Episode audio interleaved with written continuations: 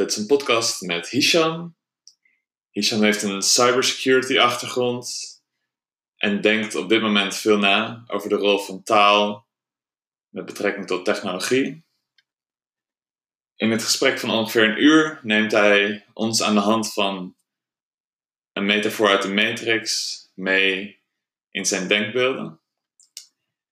Ik hoop dat jullie het gesprek interessant vinden. Veel luisterplezier.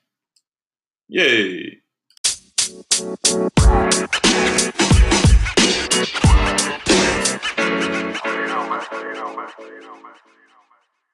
Ik zal me even voorstellen. Mijn naam is uh, Hisham Batou. Wij, uh, wij hebben elkaar um, ontmoet via een gezamenlijke vriendin. Die, die vond dat wij elkaar moesten spreken en dat wij um, over ethische vraagstukken allebei nadenken die te maken hebben met digitalisering, die te maken, die te maken hebben met economische vraagstukken ten opzichte weer van, van, van die digitalisering. En nou ja, we zijn toen op een hele leuke, warme setting, um, op een veilige plek bij elkaar gekomen. Waar we um, het gehad hebben over verschillende ethische vraagstukken die vooral te maken hebben met, met digitalisering. En eigenlijk wat voor impact digitalisering heeft op de wereld vandaag. Um, en ik denk dat het een vraagstuk is die ons beiden heel erg interesseert. En er valt heel veel in, in te ontwikkelen. En daar valt nog heel veel in, in, in te doen, omdat het nog allemaal heel nieuw is. Um, nou ja, zo zijn we eigenlijk bij elkaar gekomen. Um, en voor mij is, voor mij is het begonnen um, waar ik vandaag ben. Is ik heb eigenlijk de eerste tien jaar tijdens mijn jeugd ben ik vooral verslaafd geweest aan, aan online gamen. En heb ik me, ben ik gaan dwarrelen in een wereld met allemaal mensen die één ding met elkaar deelden en dat is het spel, de plezier die in het spel zat. En tijdens mijn jeugd heb ik, heb ik eigenlijk kennis gemaakt met een digitale wereld um, waar ik allerlei mensen ineens kon ontmoeten, wereldwijd. Ik ben opgegroeid in Amsterdam, wat, eigenlijk wat ook heel erg multicultureel is. Um, hele multiculturele buurt opgegroeid, waar allerlei culturen waren, maar ineens speelde ik, was ik verslaafd aan een online game. En was de wereld ineens nog veel kleiner, maar had ik toegang tot nog meer culturen en nog meer ideeën en mensen. Nou ja, dat boeide mij heel erg. Ik, ik heb, daarom ben ik ook verslaafd geweest aan het spel, omdat ik mijn sociale behoefte om mens te zijn vervulde in een digitale vorm. Um, en ik vond het heel erg leuk. Ik heb, ik heb tijdens mijn jeugd leren, leren programmeren. Um, ik heb toen heel veel, um, eigenlijk wat, wat, wat, wat jongens doen die verslaafd zijn aan gamen, heb ik geprobeerd om het spel, um, om allerlei fouten eruit te halen. Waar, en, en dat heeft er mij ook voor gezorgd dat ik heb leren programmeren. Um, nou ja, eigenlijk na, mijn jeugd ben ik voornamelijk, dacht ik van nou, de wereld is in een pak rondlopen, achter een bureau zitten, dat banaantje op tafel zetten en achter je scherm kijken. En ik dacht nog even van, nou, ik ga economie studeren. Dus ik heb, ik heb international business ben ik gaan studeren. Ik heb, had geen interesse om iets in de IT te doen. Ik vond dat, uh, was gewoon mijn eigen privéwereld meer. Dus ik zag het nog niet direct als iets um, wat ik mee kon doen. Maar ik heb me toen in, in, in de marketing begrepen. Ik dacht, ik dacht, nou, ik ga iets in de marketing doen. Dat is tof. Dan kun je in een pak rondlopen en dan kan ik mijn ouders blij maken. En nou ja, al snel um, merkte ik dat, um, dat er vraag was naar, naar de groei die in die digitale wereld plaats uh, heeft gevonden. Dus nou ja, in mijn, in mijn twintiger, een beetje in het tweede gedeelte, vanaf mijn twintigste ongeveer, uh, ben ik, um, ben ik me gaan bezighouden met maar nou ja, hoe los je die problemen die er digitaal plaatsvinden voor bedrijven op? En daarin heb ik tien jaar tijd, mijn grootste gedeelte van mijn carrière, eigenlijk tien jaar lang, heb ik technologie ontwikkeld waarmee, um, waarmee we complexe cyberaanvallen uh, buiten de deur houden. En dat heb ik voor verschillende bedrijven internationaal gedaan. En ik gaf leiding aan een groep die, die technologie ontwikkelde. Um, en in die tien jaar tijd heb ik, heb ik aan de achterkant kennis mogen maken met de digitale wereld. En, um, en in cybersecurity, wat, wat, wat, wat wel een voordeel is, is dat je best wel veel mag zien. Um, omdat je dan ook dus die systeem aan het beveiligen bent. En in die tien jaar tijd vond ik het heel boeiend om te zien hoe het leven richting het, het digitale gaat. En al in 2012 vond ik het al heel erg eng waar het naartoe ging. En werd ik heel vaak geconfronteerd met projecten um, waarvan ik dacht van waar gaat dit naartoe? Waar gaat... Um, we plaatsen allerlei dingen die heel persoonlijk zijn, die plaatsen wij. En we beseffen niet hoe makkelijk we toegang geven tot ons leven. En ik, nou ja, als, als iemand die in die cybersecurity wereld heeft gezeten, heb ik, heb ik echt gezien van het leven verplaatst zich naar het digitale. En ik heb dat tien jaar dus voor bedrijven gedaan. Ik heb, ik heb, voor bedrijven heb ik ervoor gezorgd dat de slechterikken buiten de deur blijven. En dat jij eh, je, je internetbankieren zo makkelijk mogelijk kan gebruiken. Um, zonder problemen. Nou ja, en, en vier jaar terug ongeveer. En dacht ik van, nou ja, ik, het leven vindt zich plaats in die digitale wereld. En ik heb toen een keuze moeten maken. Ik, ik, ik, ik, ik maakte me grote zorgen over de ontwikkelingen die ze digitaal plaatsvonden. En vier jaar terug heb ik gezegd van ja, we moeten daar wat aan gaan doen. Mijn leven op een of andere manier gaat, vindt zich dat plaats, de grote veranderingen vinden zich plaats in tien jaar tijd. Tien jaar lang verslaafd geweest bijna aan gamen. En tien jaar lang een carrière in cybersecurity. En nou ja, de afgelopen twee jaar ben ik um, met een groep mensen um, ben ik gaan nadenken over hoe kunnen we nou een gezonde digitale samenleving ontwikkelen. En als, als, als techneut en als iemand die heel erg interesse heeft om dingen met technologie op te lossen, ik ben toen een jaar lang gaan ontwikkelen. Dacht ik van nou ja, ik ga een oplossing bouwen waarmee mensen hun data kunnen gaan, kunnen gaan uh, beschermen. En na een jaar kwam ik, er, kwam ik erachter dat die oplossing eigenlijk, eigenlijk helemaal geen problemen echt oploste. En toen, toen maakte ik me druk om van, nou, wat is nou de vraag? Wat is nou die vraag waar het om gaat? Gaat het over data? Gaat het over privacy? Um, nou, en ik ben, ik ben letterlijk geobsedeerd geraakt door dit onderwerp om, om invulling te geven van nou, waar gaan we naartoe en hoe zorgen we ervoor dat we een dat we een gezonde digitale samenleving hebben. En dat waar, jij en ik samen veilig onszelf kunnen zijn. Dus dat is wat ik nu doe. Ik, um, hou me met de organisatie en het team waar we nu bij betrokken zijn, is wij houden ons met de filosofische vraagstukken bezig van wat de digitale wereld is. En die vraagstukken proberen we te vertalen naar hele concrete technologie. Ik denk dat die twee dingen bij elkaar horen. In plaats van wat je nu heel erg ziet, Ehm, de trend die je heel erg ziet is van nou, we willen alles met technologie oplossen. Nou, als we een probleem hebben, moeten we meteen technologie voor gaan bedenken. En we slaan het stuk van de juiste vraag stellen, slaan we over. En dat is waar ik vandaag ben. Um, um, vandaag ontwikkel ik nog steeds door aan die technologie. en hou ik me nog steeds bezig met, met van, nou ja, de bewustwording rondom dit onderwerp heen wat is een digitale wereld of een digitale samenleving? Um, ik probeer het altijd zo uit te leggen. Het is vaak confronterend, maar een digitale wereld is een wereld waarin het fysieke en het digitale bij elkaar komen.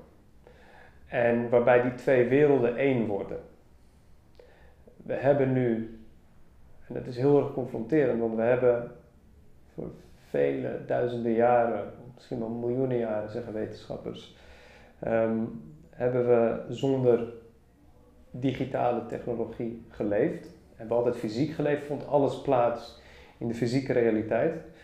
Ehm, en die fysieke realiteit, um, ja, daar, hebben we allerlei regels voor bedacht, daar hebben we allerlei filosofieën voor bedacht, daar hebben uh, religies ontstaan, uh, op gegeven moment de verlichting gehad. We hebben allerlei ideeën gehad waardoor de wereld vandaag eruit ziet zoals die er vandaag uitziet. En we zijn nu dat fysieke aan het, aan het samen, uh, eigenlijk, samensmelten met het digitale. Want dat digitale heeft ook iets heel bijzonders. Want dat kan dingen veel sneller doen. Dat maakt de wereld veel kleiner. Je hebt ineens toegang uh, met iemand aan de andere kant van de wereld. Waar je nog nooit in de fysieke realiteit toegang of, of vriendschap mee kon maken. Heb je daar nu ineens toegang voor? Dus er is er is een nieuwe, we hebben een nieuwe realiteit gecreëerd. Waar, waar, is precies de scheidingslijn tussen de fysieke wereld en de digitale wereld? Uh, waar, waar, waar, begint het en waar, waar eindigt het voor jou? Nou, er zit de, de, de concrete scheiding zit hem in, in natuurlijk hoe het concrete werkt. Uh, maar ik zie geen scheiding tussen die twee werelden. Ik zie die twee werelden als verweven in elkaar. En ze zijn aan elkaar aan het vastbinden, een soort nieuwe DNA aan het vormen. Um, maar ze hebben wel natuurlijk een grondslag die, die, uh, die fundamenteel anders is. Waarvan de ene werkt op Elektra, als, als we beginnen bij de computer, en de andere hoeft niet per se op Elektra te werken. Dus in die zin, maar ze werken heel erg samen. Ze zijn, uh, we hebben ze allebei nodig om nu te leven.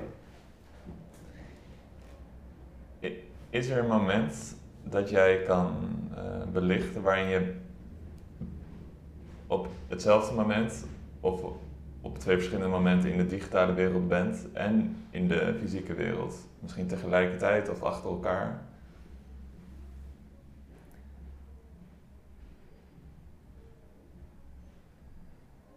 Nou ja, ik, ik denk toen wij hier, hier af hebben gesproken, hebben we, hebben we dat gedaan. Ook door, door een technologie te gebruiken die ons in staat stelde om op afstand met elkaar te communiceren. En we hebben dat gebruikt om, om ervoor te zorgen dat het fysieke vandaag plaatsvindt. Um, dus er is, er, is een, er is een constante interactie uh, met, met al die werelden bij elkaar. En uiteindelijk zijn we hier in het fysieke bij elkaar. En gebruiken we weer het digitale nu om, om dit gesprek op te nemen. Dus we zijn constant, samen, zijn constant aan het samenwerken met elkaar.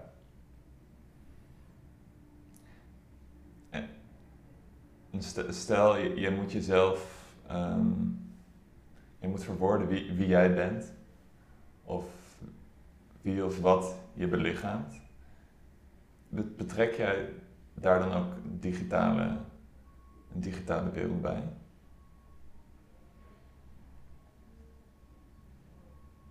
Nee, nee, nee. Als ik er even over nadenk, nee. Ik betrek het digitale er nog niet bij, maar dat heeft misschien met mij te maken. Dan, dan, dan hoe, de, hoe eigenlijk mensen dat nu, nu doen. Ik heb heel erg een angst ontwikkeld. Um, een angst die, die niet per se een hele negatieve aard heeft, maar een angst ontwikkeld voor, voor de identiteit die ik online heb dat ben ik niet. Dat ben ik fundamenteel niet. Het is. Um, ik denk dat heel veel mensen zich identificeren vandaag de dag met hun, met hun, met hun digitale identiteit op een Facebook of op een Twitter. Uh, de verschillende media die er zijn, al jouw identiteiten. Ik denk dat we dat niet zijn. Wij zijn meer dan een een stukje databasecode in, in, in een database van een bedrijf. Dus in die zin is de digitale wereld niet een verlengstuk van de fysieke Nee, nee het is, er, zit, er zit daar nog een hele grote afstand tussen. En die afstand is nog te groot. Wij hebben, wij hebben nu, die technologie doet heel veel met ons, maar wij zijn nog niet die technologie niet. Dat doen anderen voor ons. Dat doen, dat doen voornamelijk bedrijven. Bedrijven zorgen ervoor dat wij een soort representatie hebben van, van, van onszelf. Maar wij, wij zijn dat niet.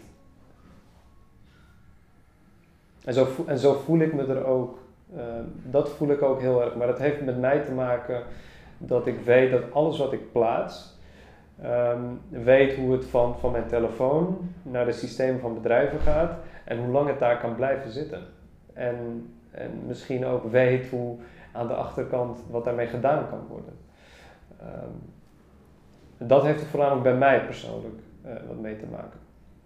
We, we hebben het in vorige gesprek gehad over wat de essentie is van een mens en in wat voor vorm um, een mens zich zou kunnen belichamen uh, digitaal.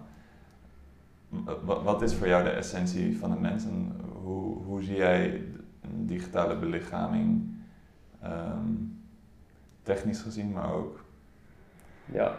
Um, anders voor je? Ja, ik vind de, de, de is ook een vraagstuk die mij heel erg bezighoudt. Van hoe vertaal je nou die essentie digitaal? Um, en daarin heb ik me heel erg in de, filosoof, in, in de filosofische hoek uh, moeten begeven om antwoord te geven op deze vraag. Um, maar de essentie van de mens, hoe ik ernaar ben gaan kijken, is wie die is. Um, en wie die fundamenteel is. En waar die geen, waar die geen, dat kan daar kan hij niet zonder meeleven. Om het, even, om het even in context te brengen. Dan zal ik een voorbeeld geven. Um, een mens heeft een identiteit. En of je het nou wil of niet, ook of ik nou wil, eh, we worden geboren met een, met een unieke set van unieke set aan attributen. En die attributen maken, creëren een soort identiteit, waardoor ik kan identificeren dat Michiel Michiel is. En als Michiel naar binnen loopt, uh, dat ik niet allerlei identiteiten aan Michiel hoef te vragen om hem. Om, en, en, het werkt heel makkelijk. Het werkt heel, ik kan jou identificeren. Dat is er één. Dat is één van die essentie. Um, tweede is, um, wij, wij, wij communiceren. Wij communiceren. We hebben heel we gebruiken communicatie in allerlei vormen, of nou verbale of non-verbale communicatie is, om, uh, om te kunnen leven. Om te kunnen doen wat, wat, wat, we kunnen. Um, daarnaast sociaal zijn is een, is een, is een onderdeel uh, daarvan. En ik heb proberen te ontdekken van, nou ja, wat zorgt er nou voor dat een mens een mens is, waardoor die kan functioneren. Um, en die essentie is altijd gelinkt aan vrijheid. Aan jouw fysieke vrijheid. Wat is voor jou vrijheid?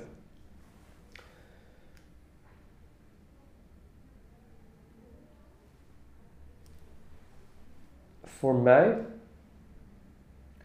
betekent vrijheid in staat te zijn wie je, wie je bent en wie je wil zijn. En dat je dat kan uiten, dat je zelf volledig kan uiten.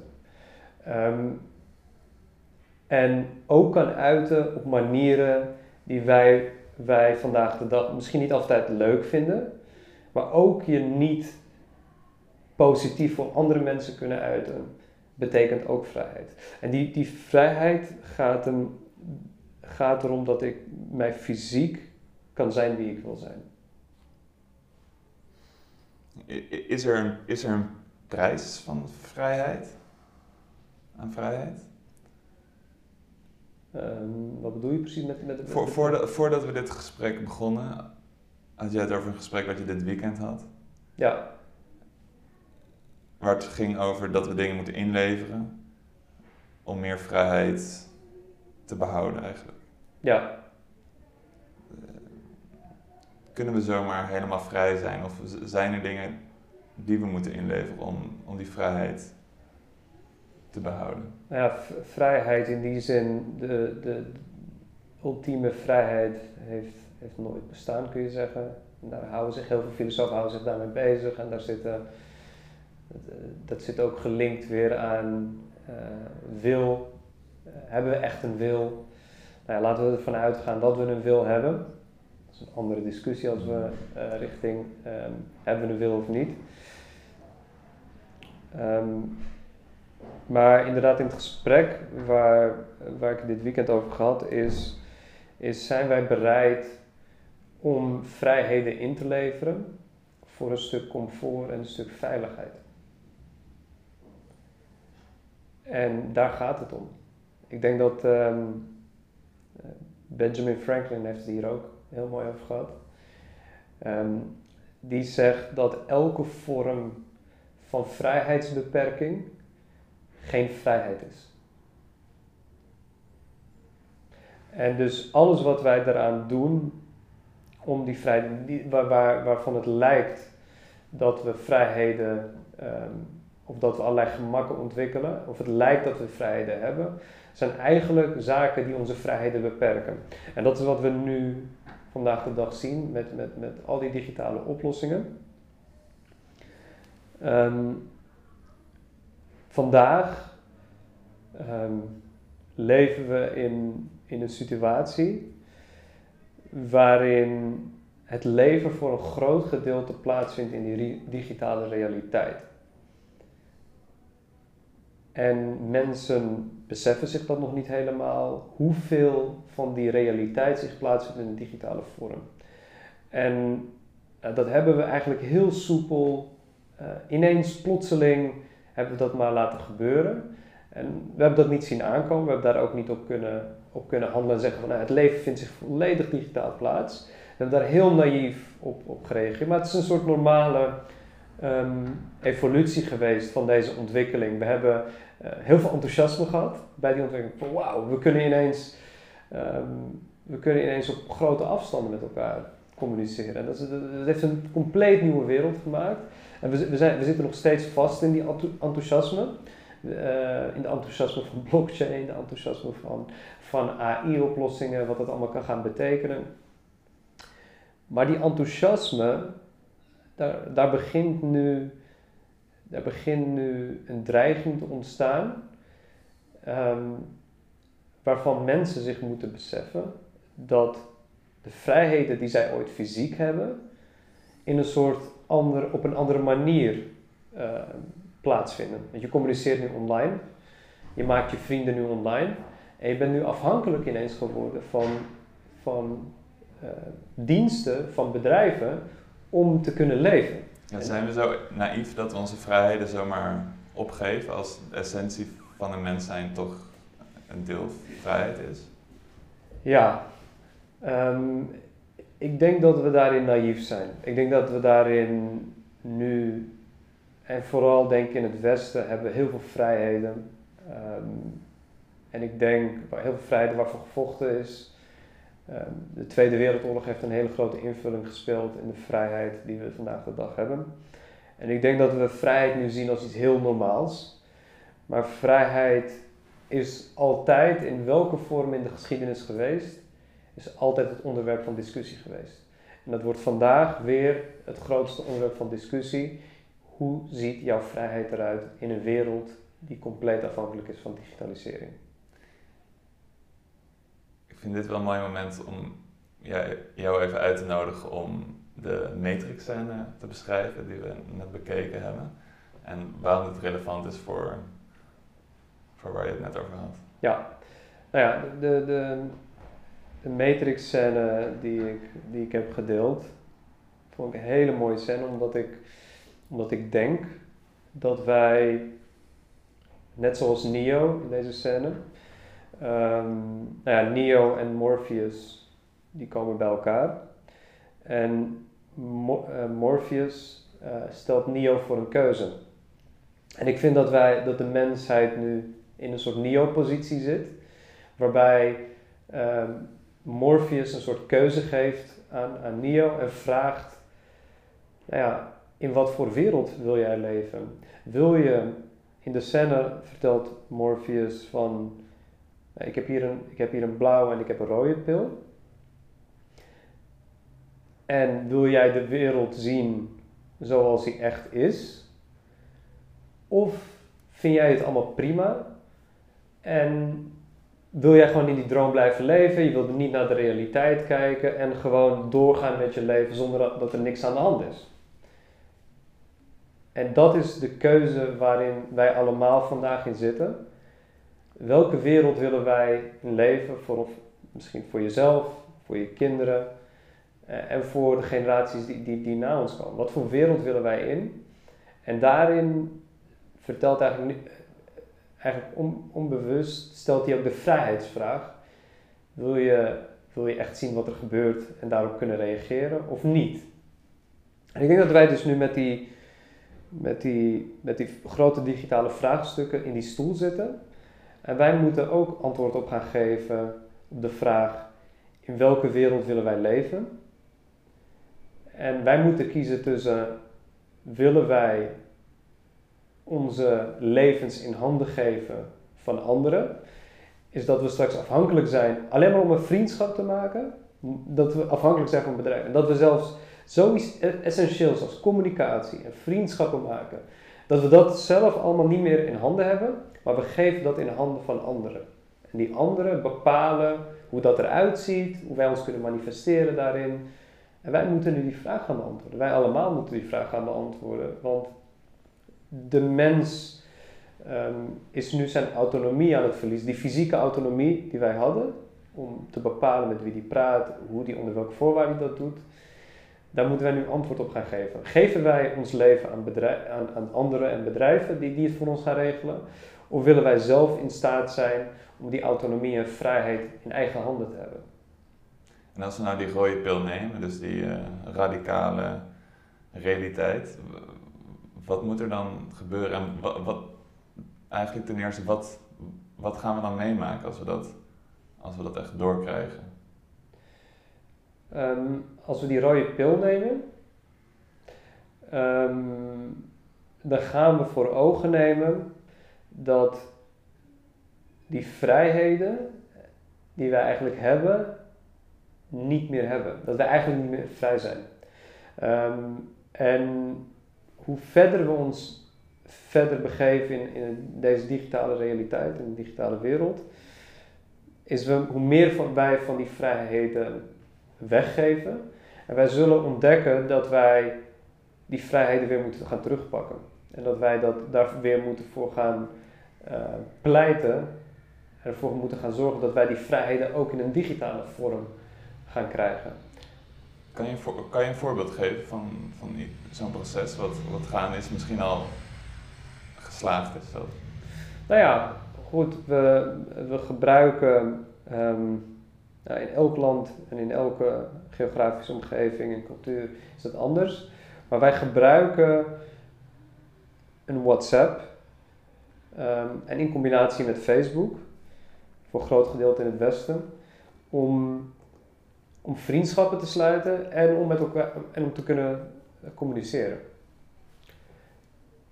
En we hebben, we hebben deze twee essentiële functionaliteiten van mens zijn, die, die, die vrijheid ook belichaamt, hebben wij nu in handen gegeven van deze twee bedrijven. Ehm, en die oplossingen zijn leuk. En ik zeg ook niet, en die oplossingen zijn geweldig. En die, die oplossingen hebben we nodig. Die oplossingen brengen heel veel goeds. Um, maar als ik straks afhankelijk ben om een nieuwe vriend te ontmoeten en die, dat belichaam ik in een soort digitale vorm, moet ik altijd bij een bedrijf zijn om dat te kunnen. En dat is ongezond. Dat, is, ehm, dat betekent dat er altijd iemand tussen zit in iets wat essentieel is. Ehm, en je hebt bedrijven nodig. En ik, ik zeg ook niet dat we bedrijven helemaal niet meer nodig hebben en een soort complete anarchistische onafhankelijkheid moeten. Dat is het ook niet.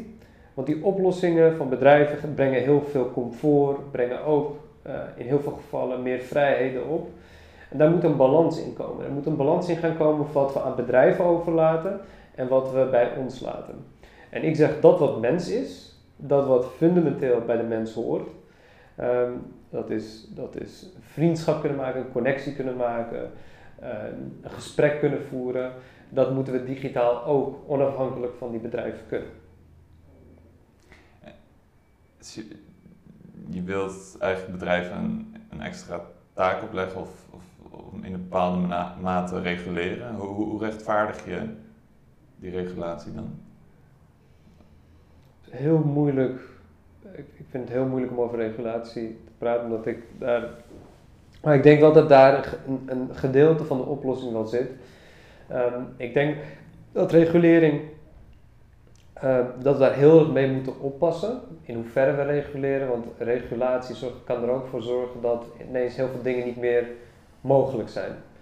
Um, ik pleit er ook niet voor dat we niks meer kunnen. We moeten al die mooie oplossingen, van Snapchat tot aan Facebook, tot aan al die nieuwe mooie oplossingen die gebouwd moeten worden, moeten we op een manier kunnen doen dat zij onze vrijheid respecteren. En dat kan. Um, um, en in de zin van reguleren, ik denk dat er een regul dat, dat sociaal zijn, vooral het element sociaal zijn, fundamenteel aan de mens. We hebben um, eigenlijk hele, hele, in de hele geschiedenis terug was het belangrijk voor waar wij, waar wij nu zijn. En voor het eerst in de geschiedenis hebben wij sociaal zijn gecapitaliseerd en, en, en een commerciële invulling gegeven. Dat is voor het eerst in de geschiedenis. We kunnen niet de geschiedenisboeken terug in gaan duiken en zeggen van hoe gaan we hier een oplossing voor bedenken. Um, sociaal zijn was een, een, een, een, concept wat diep geworteld in mensen, in het zijn van mensen zit. Um, en wij moeten daar nu mee gaan dealen. Is sociaal zijn een business? En ik denk dat sociaal zijn geen business is. Ik denk dat het fout is, uh, fundamenteel gaat, um, niet meer zal gaan werken. En ik denk dat het een tikkende tijdbom is voor alle bedrijven die denken dat sociaal zijn een business is. Waarom is het geen business? Ik zal uitleggen waarom. Um, sociaal zijn, eigenlijk wat, wat, wat, wat Facebook doet, um, sociaal zijn is, is ontzettend belangrijk voor, voor de maatschappij waarin wij leven.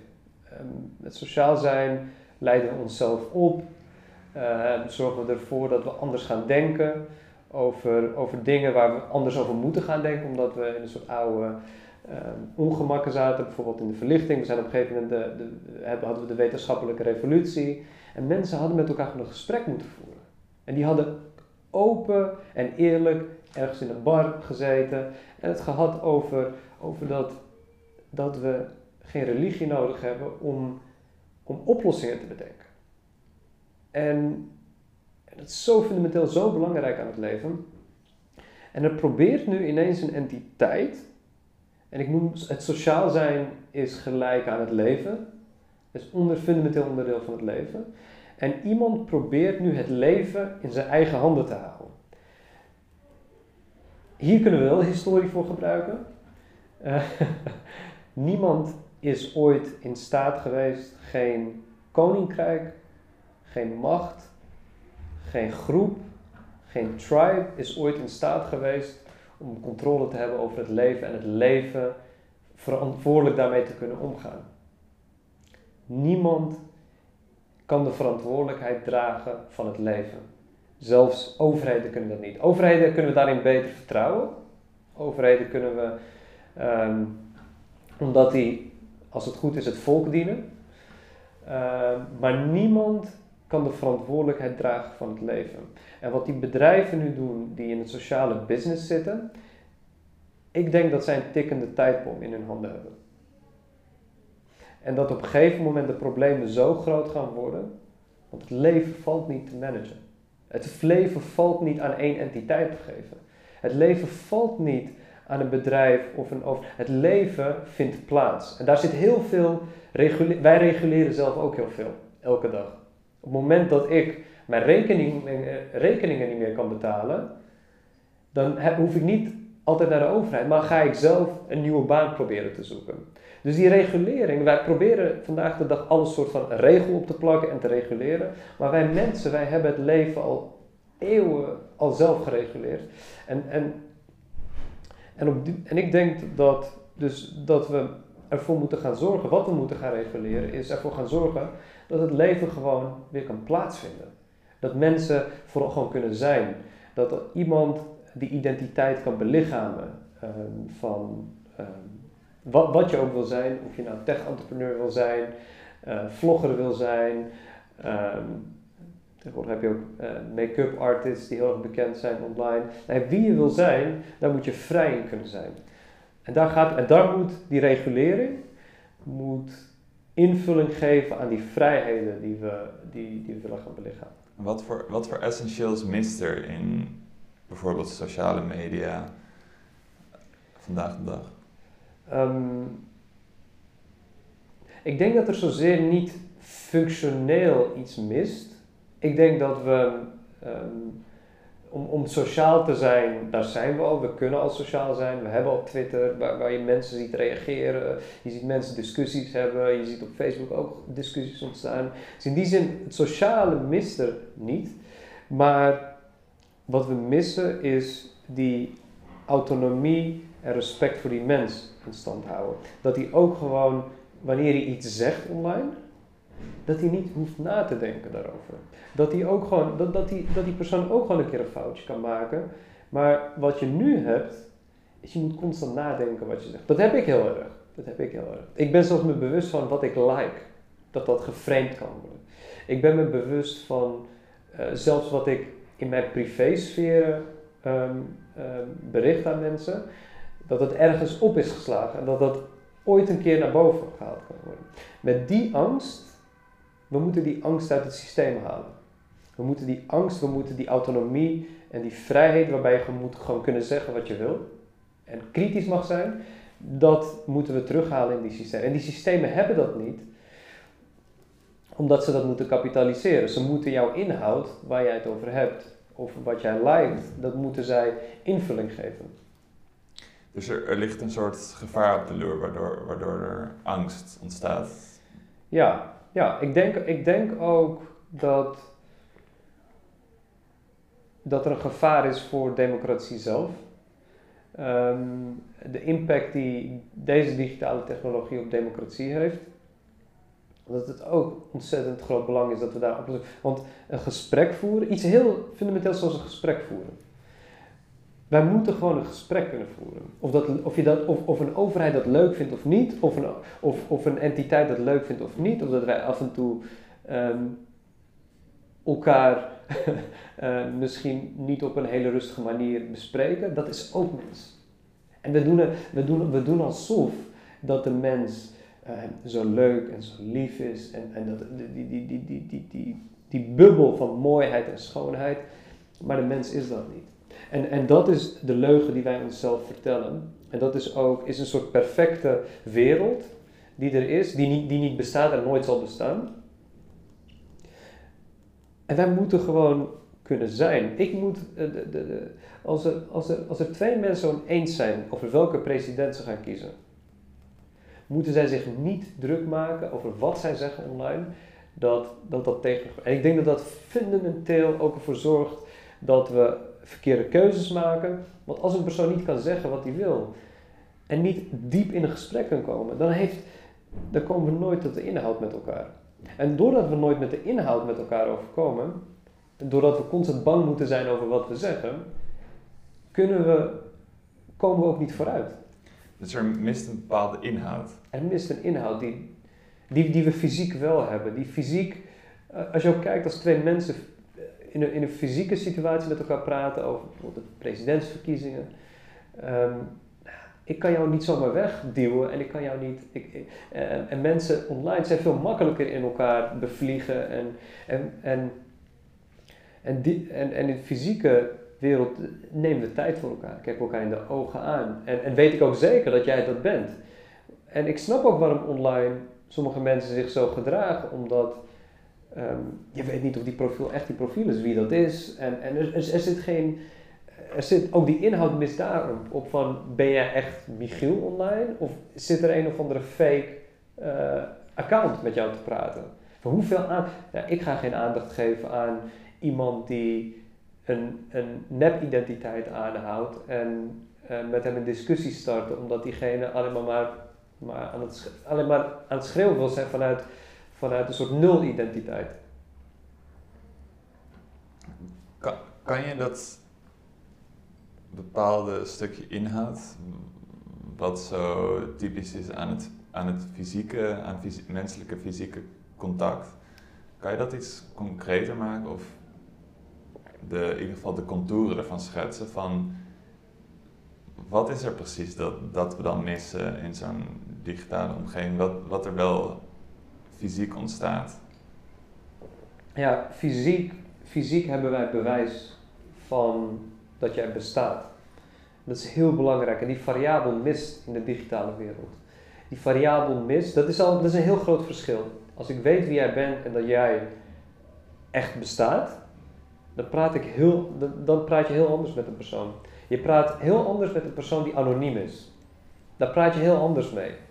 Um, dus dat, dat, gaat, dat gaat nu ook mis. Is je hebt te maken met fake profielen en, en, een, en een nepwereld. Dus in hoeverre wil jij je aandacht scheppen aan een nep-account? En de wereld, we hebben het al druk over. We kunnen over miljoenen onderwerpen kunnen praten. En het laatste wat we willen is um, met een account praten waar helemaal geen inhoud is, waar we helemaal niks uit kunnen halen, waar we geen zinnig gesprek mee kunnen voeren. En wat bedoel je met niks, er, niks eruit halen? Is er, is er een bepaalde, gaat het om menselijke bevrediging of ja, ja. welzijn of, of is het... Nou ja, er is, er is, er, dat heeft met heel veel, dat is voor iedereen heel erg persoonlijk, maar er is, er is een, de mens beweegt zich niet alleen om, om alles wat, wat kapitaal gedreven is. Dat is wat zo mooi is aan het leven. Um, alhoewel de wereld voor een groot gedeelte kapitalistisch nu gemotiveerd is, um, zie je dat er op heel veel plekken online, zoals Stack Overflow, iemand haalde het voorbeeld uh, laatst. Uh, op Stack Overflow is een developers community waar vragen worden gesteld over um, als iemand een probleem heeft met, met, met een digitaal probleem, als een stuk software aan het ontwikkelen is. En dan zie je dat heel veel mensen oprecht reageren op wanneer iemand dat vraagt daar zit ook een soort interesse. En, een persoon, nou ja, als, als, als cybersecurity expert die bijvoorbeeld een, een, vraag ziet over cybersecurity, nou ja, daar wil je graag antwoord op geven. Als jij dat weet en je wil jezelf laten zien dat, uh, dat je daar een goed antwoord op kan, of dat jij een antwoord kan geven die die persoon bevredigt. Um, en dat is het, die, die menselijke bevrediging. Ehm, ik denk dat die nog een veel grotere rol speelt in, in de wereld om, om ons heen. En je, jij wil mensen een, eigenlijk een digitaal lichaam geven. Daar, daar heb ik over horen praten. En hoe, hoe zorg je ervoor dan dat die menselijke bevrediging ook digitaal ontstaat? Um, ja, het, ja, het, concept van een digitale lichaam is een, een digitale ik ontwikkelen waarin jij volledig jezelf kan zijn. En waar jij niemand binnen in jouw digitale lichaam hebt, waar niemand met jou meekijkt, waar jij volledig jezelf kan zijn. Net zoals in je eigen lichaam jij de controle hebt over wat jij doet, waar jij staat, waar je naartoe gaat, met wie je afspreekt, hoe je praat en, en al die dingen, moet het digitale lichaam um, de representatie zijn van jezelf online. En waarom ik denk dat dat voor een, een veel interessantere digitale wereld gaat creëren, is um, ik denk doordat we dan weer dat vertrouwen wat wij hebben in allerlei systemen niet meer nodig hebben. En waardoor een soort vertrouwen weer bij onszelf ligt. Ik vind het, ik denk dat we vertrouwen, er wordt heel veel gesproken vanuit blockchain tegenwoordig. Ik denk dat vertrouwen overrated is. Ik denk dat vertrouwen onzin is. We moeten geen vertrouwen hebben. Ik wil beginnen bij het punt bij, we en hoe, hoe, hoe ja, het, het, klinkt niet leuk, maar uiteindelijk is geen vertrouwen hebben juist goed voor vertrouwen. Um, omdat op het moment wanneer jij alleen vertrouwen hebt in jezelf, en in dit geval in jouw digitale lichaam. En daar ligt al jouw vertrouwen in. Is je, daar kun je volledig jezelf zijn. Daarin kun je denken wat je wil. Daarin kun je zijn wie je wil. En vanuit dus een plek van veiligheid en, en, en geen vertrouwen in, in allerlei systemen, kunnen we opnieuw, een, net zoals de wereld weer vertrouwen in elkaar gaan wekken. Doordat ik nu zelf een plek heb waar ik veilig, mezelf veilig kan voelen. En die juist die veiligheid en die geen vertrouwen hebben in anderen dat zij het voor mij kunnen regelen, gaat ervoor zorgen dat wij weer eerlijk met elkaar, een, een, met elkaar kunnen omgaan. En dat betekent dat wanneer ik met jou een gesprek heb, dat die inhoud van het gesprek tussen ons blijft. Net zoals het eigenlijk echt hoort. En nu krijgen we een illusie, en dat is ook waarom ik dan die matrix um, scène zo interessant vind, omdat zij constant hebben over illusies. Um, wanneer jij een bericht op WhatsApp stuurt, heb jij de illusie dat jij dit stuurt. En die illusie bevredigt. En, en het is geweldig. En jij, jij ziet van het gaat van A naar B. En zo, zo werkt het, komt ook bij, bij die persoon terecht. Maar je ziet niet dat je eigenlijk een derde naast je hebt zitten. En die illusie, dat wil je eigenlijk ook niet. Je wil die derde niet zien. Je wil, je wil dat gesprek inhoudelijk hebben. En dat, gelukkig is dat ook zo. En dat is, dat, is, dat is ook meteen de kern. Is om mens te kunnen zijn, willen wij gewoon zijn. En willen wij, wanneer wij een gesprek hebben, dat dat tussen ons plaatsvindt.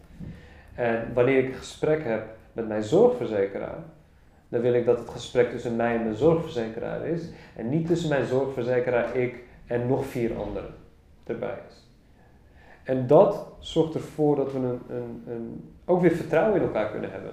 Vanuit die vertrouwen van nul gaan we weer naar vertrouwen toe. Dat is de enige manier om vertrouwen te creëren.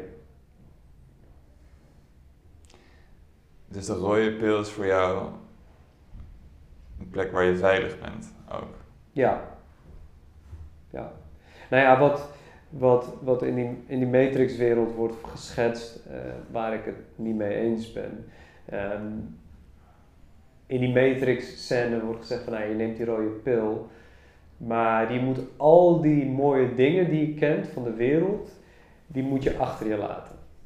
En um, die, die nepsteak die je aan het eten bent, die heerlijke nepsteak, die voelt ook echt, toch? Maar je moet nu ineens uh, havermout gaan eten, havermout met pap, in plaats van een mooie steak. Het lijkt, dat is de schets die zij maken in de film, maar dat klopt ook niet. Um, we hoeven niet te kiezen tussen een soort vieze, snotterige wereld of een hele lekkere steak of, of tegenwoordig een veganistische oplossing. Uh, om het even in de, in de tijd van nu te praten, een veganistische burger. We hoeven niet te kiezen tussen, tussen die twee werelden. We kunnen die rode pil, betekent niet dat we al die mooie dingen achter ons moeten laten en een soort van um, boeddhistisch digitaal bestaan moeten gaan leiden. Nee, we kunnen al die dingen gewoon meenemen. En dat is, dat is juist wat technologie doet. Technologie maakt dingen mogelijk. Um, dus zo zwart-wit is het niet. Nu je hier zo op gereflecteerd hebt, heb jij ook voor jezelf de mogelijkheid gecreëerd om, om een nieuw verhaal te maken, om een nieuw om beeld en taal te gebruiken om, om mensen eigenlijk een, nieuw, een nieuwe illusie te geven of, een, of juist de realiteit te laten zien. Ja. Je kan het ook wel als een illusie zien, misschien. Dat is misschien de nieuwe illusie. Ja, hoe, hoe ga je daarmee om? Hoe, hoe gebruik jij bijvoorbeeld taal en, en beelden? We hebben bijvoorbeeld de scène van de Matrix helpt heel, heel erg om voor ons het probleem te begrijpen. Wat voor soort woorden, wat voor soort framing gebruik je om, om jouw perspectief aan andere mensen um, te communiceren? Vind taal een hele moeilijke. Um, ik, ik, ik heb daar zelf heel veel moeite mee om, om een vorm te kiezen van nou, hoe zorg je ervoor dat, dat uh, hoe, hoe communiceren, praten we hierover. Um, er is nu, er staat ook nu geen taal. We hebben ook nu echt geen. Ik merk dat er nu hoe de discussie is over digitalisering gaat. Dan hebben we een taal die, heel erg ongegrond is. Ehm, we praten in woorden zoals ehm, we hebben onze data verkocht aan de hoogste bieder. Dat, dat zijn nu de headlines ehm, die, die we zien in, in The Guardian over, over alles wat er digitaal plaatsvindt. Maar dat klopt niet. die bedrijven hebben ook heel hard hun best gedaan. Die, die data die wij genereren, daar hebben zij heel veel tijd in moeten stoppen om te bedenken van nou, hoe dat werkbaar en hoe dat gecapitaliseerd moet worden. Dus niet het is niet zo dat als jij morgen jouw data hebt, dat jij daar meteen heel veel geld mee kan gaan verdienen. Dat is, dat, dat, dat is we kunnen, op een gegeven moment kunnen we daar naartoe gaan. Ehm, maar er is, er, is, er is een taal op dit moment die mensen niet helpt om een gesprek te voeren over dit probleem. En ik denk dat we, en het, het, het probleem zie je nu heel erg, um, is dat die industrie zich probeert te bewoorden vanuit privacy issues, vanuit data. We moeten onze data gaan beschermen. Alsof dat het probleem is. Ehm, maar de kern van het probleem is niet die data. Ehm, ik, ik, ik zou nog best mijn data aan een bedrijf willen geven als dat op een veilige manier gebeurt. Zou, zou, zou dat nog wel kunnen? Maar het gaat niet over data hier. Het gaat over vrijheid. En we moeten een taal spreken, als het gaat over dit onderwerp, die niet praat over data en over die koude, koude onderwerpen. We moeten het hebben over vrijheid en we moeten het hebben over mensen. We moeten het hebben over, over, over dat wij ook af en toe gewoon een, een, foutje maken tijdens een gesprek, omdat we elkaar um, allerlei namen uh, hebben genoemd. We moeten het daarover. We moeten gaan hebben over van hoe blijven we vrij in de digitale wereld? Dat is de kern, denk ik. De kern gaat niet over data. Dat is, dat is meer een, de, de hele diepe technologische kant. Maar het is geen interessant onderwerp om over data te praten. Het is echt geen. Het is ook niet inhoudelijk. Heb jij, heb jij ooit uh, met iemand over kunnen onderbouwen dat data, dat, dat data het ding is? We moeten onze data beschermen, daarmee gaan we alles oplossen ik heb nog nooit echt een inhoudelijk goed gesprek daarover gevoerd. Data is wel een van die symptomen, die data-opslag, dat het veilig gebeurt, is denk ik wel een van de symptomen die we moeten bestrijden, maar het is niet de kern. Dus we moeten onze taal gaan veranderen en we moeten, denk ik, praten in, in, in woorden zoals digitale wereld, het is onze wereld, we willen ook vrij zijn in een wereld die digitaal is. We willen, we, willen, we willen zelf autonoom en onafhankelijk zijn in een wereld die digitaal is. Zo moeten we gaan praten. En ik denk dat we heel veel kunnen leren van uh, de emancipatiebeweging. Omdat we, we zitten nu in een soortgelijke situatie, denk ik. Ik denk dat wij digitaal onderdrukt worden, verslaafd worden gemaakt uh, aan, aan oplossingen. En wij, zijn, wij worden zelf slaaf van die oplossingen. Um, wij zitten in, en, en dit is het hele interessante, nu is het niet alleen een raciale groep, of um, wat we in het verleden hebben gezien met, uh, met, met de slavernij, waarbij een, een groep mensen uh, structureel die, die, die een andere kleur hebben onderdrukt werden. We hadden toen vrouwen gehad die zelf geen keuzes hadden, die zelf niet autonoom mochten zijn, die, die alles aan hun man moesten overlaten. Die werden toen ook onderdrukt. En we, zagen dus uh, seksuele revolutie in de afgelopen tijd, waarin mensen seks, zich seksueel hebben proberen te uiten. En nu wordt iedereen, het, niet, niet alleen één groep, nu worden wij allemaal, gaan, gaan, wij, worden wij onderdrukt. Nu worden wij allemaal onderdrukt in niet wat we uh, per se willen, maar wie wij zijn. En dat is een heel groot verschil. Wij communiceren, wij hebben ook uh, af en toe een, gesprek wat niet leuk is. En daarin worden wij onderdrukt om, om te zijn.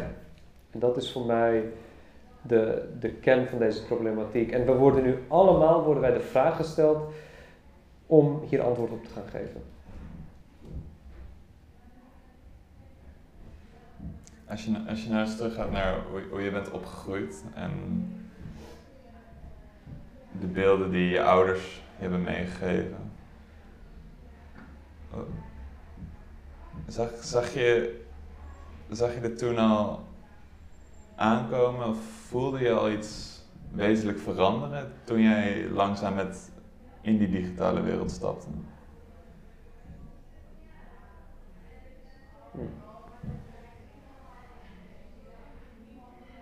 Ja, ik. Ja, nou ja, ik, ik, ik groeide op in, in, in Amsterdam, in de Jordaan-omgeving, waar heel veel culturen waren. Uh, Surinamers, Marokkaanse jongens, Turkse jongens. Um, jongens uit Zuid-Amerika, van alles. Er was van alles. En ik zag toen al dat, dat uh, nou ja, je zag dat de acceptatie was dat er, dat er niet alleen maar één, één dominante groep is, uh, maar dat verschillende groepen in eenzelfde omgeving met elkaar kunnen samenleven. En in die periode heeft juist het internet mij dat concept nog erg vergroot voor mij.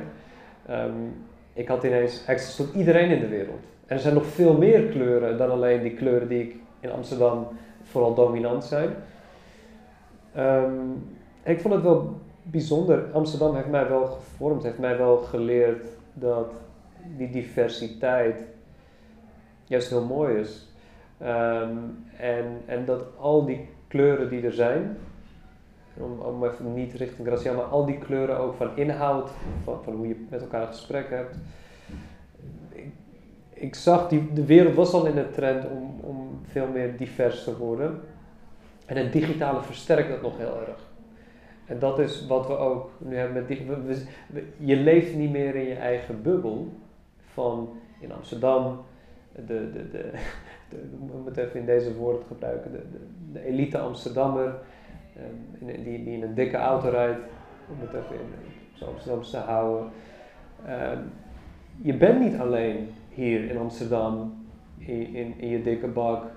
Uh, er is nog veel meer daarbuiten. Er, gebeuren, er zijn nog veel meer interessante discussies. Waar, waar we hiervoor heel erg leefden in een bepaalde bubbel. En het internet heeft die bubbel nog opengebroken. Van wow, er zijn er zijn heel veel andere culturen. We lezen ook over die culturen die daar zijn. Vroeger kon je dat niet voorstellen om, om te begrijpen wat er aan de andere kant van de wereld gaat. En je kan je, kan je, nu, je kan je nu helemaal verdiepen in nieuwe culturen vanuit je simpele telefoon.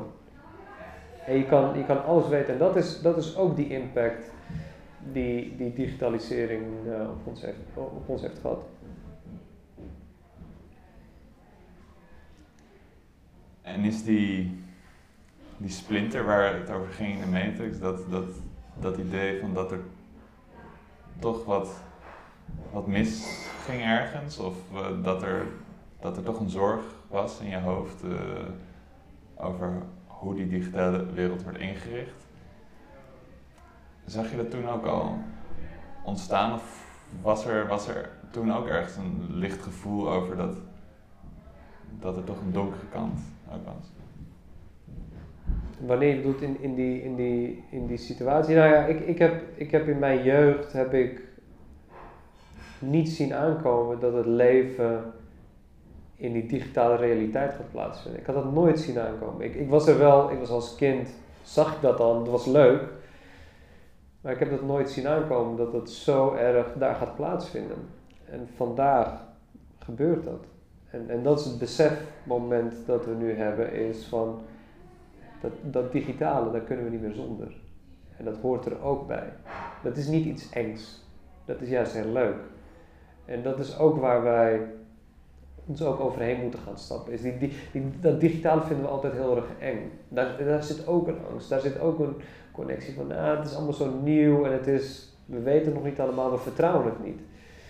Nee, dat digitale kan onze wereld veel mooier maken.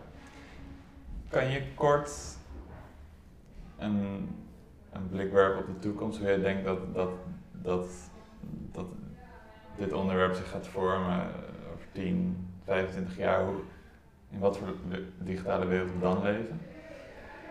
Um, nou ja, we hebben um, op het moment wanneer wij.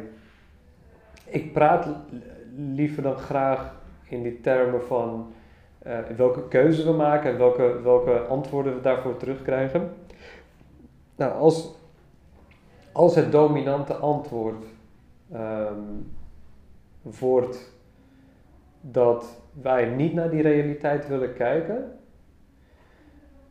dan voorzie ik een, een, dan voorzie ik een dystopische toekomst. Waarbij het leven niet meer bijzonder is. En waarbij eigenlijk allerlei machines elk persoon in de wereld een andere mening kan laten geven. Dat jij een bedrijf kan inschakelen om iemand een nieuwe mening te geven. Ehm, en waar ik mij heel erg druk om maak, vooral als wij die blauwe pil gaan nemen. Het, het laatste enge vind ik, het is nu nog allemaal nog redelijk in bedwang te houden. Maar de laatste fase van dit probleem is de fase wanneer AI en wij al die vrijheden hebben opgegeven en machines overal toegang tot hebben. En wanneer die technologie van AI zo ver is ontwikkeld dat die veel sneller grote groepen mensen kan manipuleren.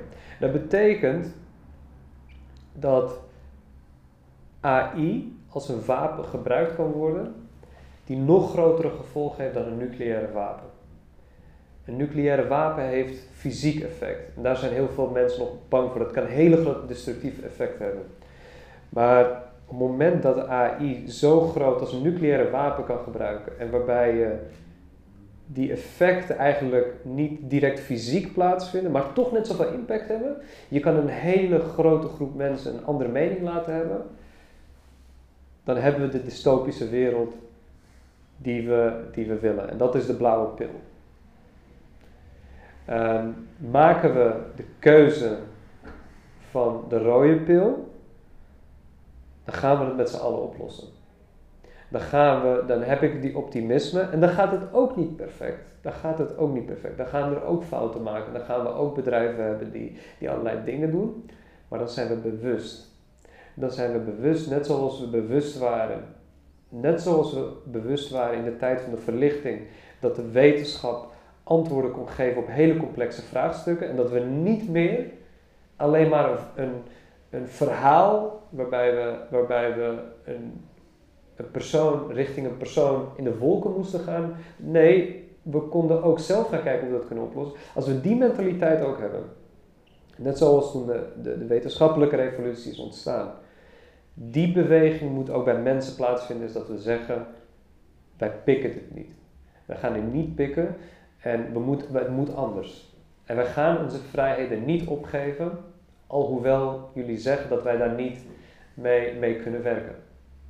Dat is, dat is de wereld vanuit die twee, uh, twee antwoorden die wij, die wij moeten gaan nemen. En, er zal één antwoord het meest dominante zijn.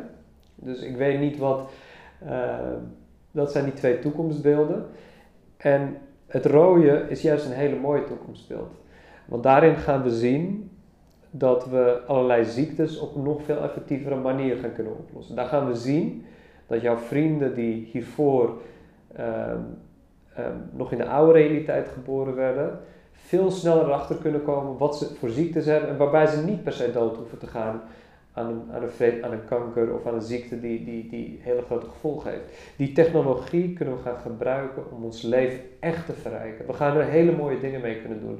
En dat is dat is wat we krijgen voor die rode pil. We krijgen voor die rode pil een veel betere wereld waarin jij met je vrienden of je familie nog veel beter in kunt gaan leven. Dus ik, ik, ik, zie, een, ik zie een positieve wereld uiteindelijk.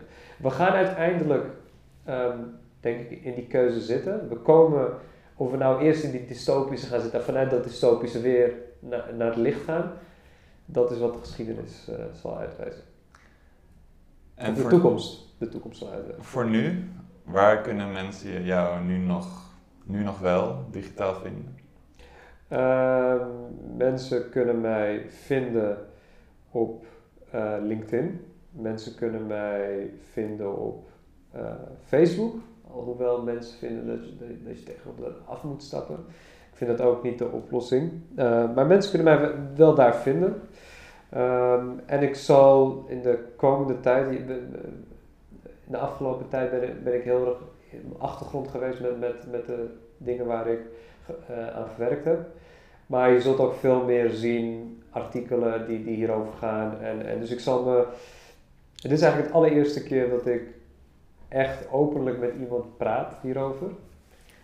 Uh, dus dat is, jij hebt in die zin de eerste persoon met wie ik echt openlijk hierover praat. Omdat ik heel erg vanuit, um, vanuit die onderzoekpositie zit en probeer het juist te doen. Maar ik zal me online via blogs en via andere media ook, ook manifesteren en, en laten zien. Heel erg bedankt voor uh, het gesprek. Jij ook bedankt, eh, Michiel. Ik vond het leuk.